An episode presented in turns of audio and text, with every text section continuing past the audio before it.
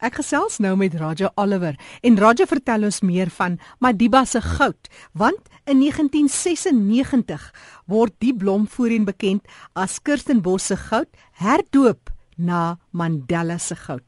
Nou die blom is 'n skaars en 'n indrukwekkende geel blomdraande strelitzia en dis al wat ek weet. Dis Raja Oliver, tuinboukundige by Kirstenbosch wat ons meer gaan vertel oor hierdie spesifieke spesies. Raja, oor na jou, vertel ons meer.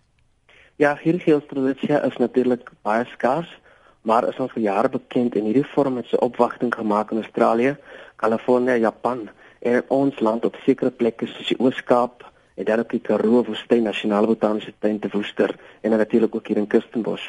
Nou hierdie was egter almal geïsoleerde voorvalle.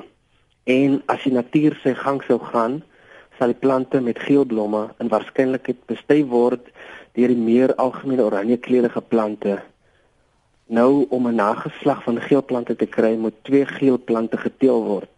So in 1970 of in die 70s was daar sewe geelplante in die kwekery by Kirstenbosch en John Winter, toe hoof of kurator van die tuin, het 'n projek begin om die getalle te vermeerder.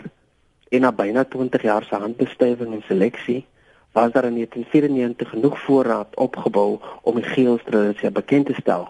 Dit is vrygestel en het verhandel onder die naam Kirstenbosch Gold tot in 1996 toe die destydse nasionale botaniese tuin toestemming verleen was om dit te hernoem ter ere van oud-president Nelson Mandela.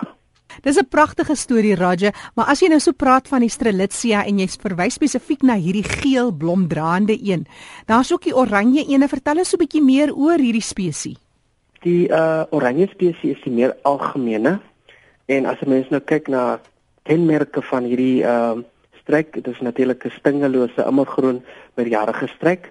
Ehm um, en spesifiek die Mandela's Gold is 'n bietjie effens aan die grysgroen kant. Dit groei tot ongeveer 1,5 meter, soms bietjie hoër en dan in die laat herfs tot in die lente word geel volagtige blomme dan deur 'n fors piesingagtige geblade te vertoon. Nou as dit te groot word, is dit maklik om dit te verdeel en soveel meer plante te kry. Hulle plant ook maklik oor die voël wat hierdie uh plant bestuif ehm um, kom nie in die Kaap omgewing voor nie. So hier word basies handbestuiving toegepas. En dis natuurlik ook 'n bedekte seën want op daardie manier is ons verseker dat die saad wat deur hierdie uh, Mandela's Gold geproduseer word ehm um, basies eg is. As jy kyk na tuin uh omstandighede, ideale omstandighede sal wees ehm um, volson, die grond moet redelik uh, ryk wees, dit moet goed gedreineer wees met min of meer 'n uh, pH van 7.5 en ehm um, jy kan redelik goed water gee in die somer en dan so 'n bietjie ehm um, ook ehm um, uh fertilizers. So in Suid-Afrika kan jy uh basies vind dat dit baie goed sal doen in jou ehm um, omgewings daar waar dit uh, redelik gematigde temperatuur is. Hierdie plant kan natuurlik of sal dit goed doen in areas waar dit te koud is, want uh as dit miskien hier onder vriespunt ry, is dit bietjie ongemaklik vir die plant. Maar as jy ehm um, soek na 'n fantastiese aksentplant en ook 'n versierende streek wat sal help met uh die skep van 'n tropiese atmosfeer in binnehowe of swembaddens, dan is hierdie uh streek die gewenste een en dit maak ook 'n puik snyblom. Mm. Nou jy sê nou hy sal nie aard in kouer dele nie, maar as jy nou byvoorbeeld hierdie uh, tropiese omgewing of tuintjie wil skep, kan 'n mens seker die kondisies soort van amper wil ek sê manipuleer. Ja, jy kan, jy kan ehm um, jy kan self as dit ehm um, baie mense het miskien kookhuise, die glasies wat hulle het en dan kan jy dit daarso insit. So dit dit dit behoort daaraan te gedei en ehm um, vir die wat die kans wil wag, ehm um, as hulle redelik groter geplant het, kan hulle miskien ehm um, selfs dit daar waar dit miskien ryp, kan hulle hierdie plante miskien op 'n afdak het in in 'n binne 'n pot en as die plant groot genoeg is, uh miskien dit verdeel en dan kyk uh, hoe hoe sal van hierdie uh plant in in van die kouerige gebiede. Ek sê spesifiek verdeel want uh mense wil nou nie hê met jou plant sommer miskien daar verloor as as daardie um eksperiment dan nie werk nie. Nou jy praat van handbestuiving, hoe moeilik of hoe maklik is dit?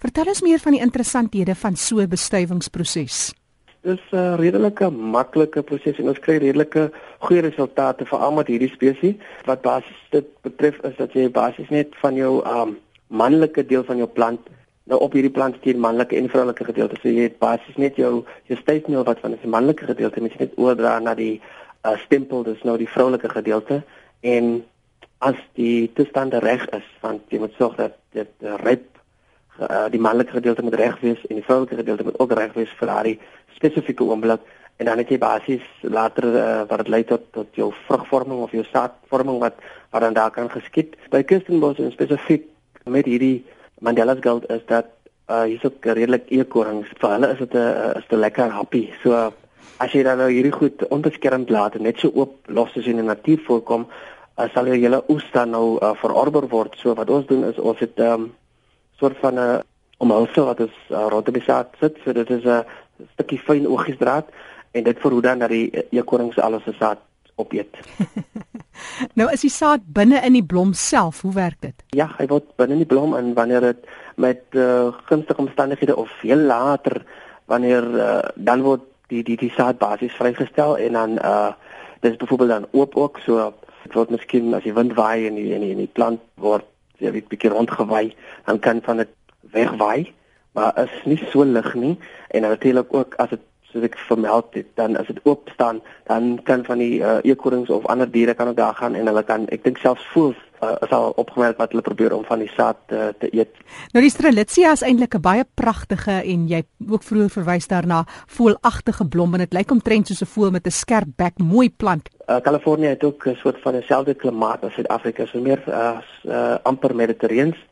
So dis wat maak dat hy die ehm um, spesies daar gedei en hulle natuurlik dit aangeneem as hulle staat se uh, amptelike blom.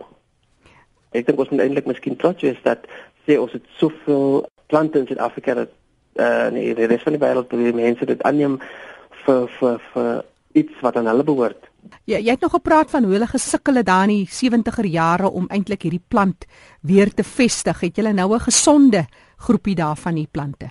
Ja, ons het basies reg oor uh, Kirstenbos en as ek dink ehm um, by die verskillende beddings as ek net dink aan die tipe tuinde wat kundiges die areas het dan ehm um, van die uh vyf of ses van ons wat tuinseksies het uh, kom dit in meer as die helfte van ons areas voor en dit is red, redelike groot hoeveelhede wat daar voorkom so hierdie hierdie Mandela skuld is redelik gevestig nou hier op Kirstenbosch en uh, ons versamel um, redelike hoeveelheid saad en die saad word ook oral uh, na die wêreld toe gestuur um, so deur ons saadkamer. So ek ek dink ons uh, is in 'n gesonde toestand wat dit betref.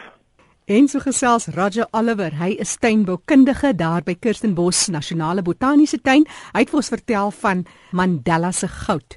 Dis 'n Strelitzia blom wat in 1996 herdoop is. Oorspronklike naam was Kirstenbosch se goud. Vandag is dit Madiba se goud.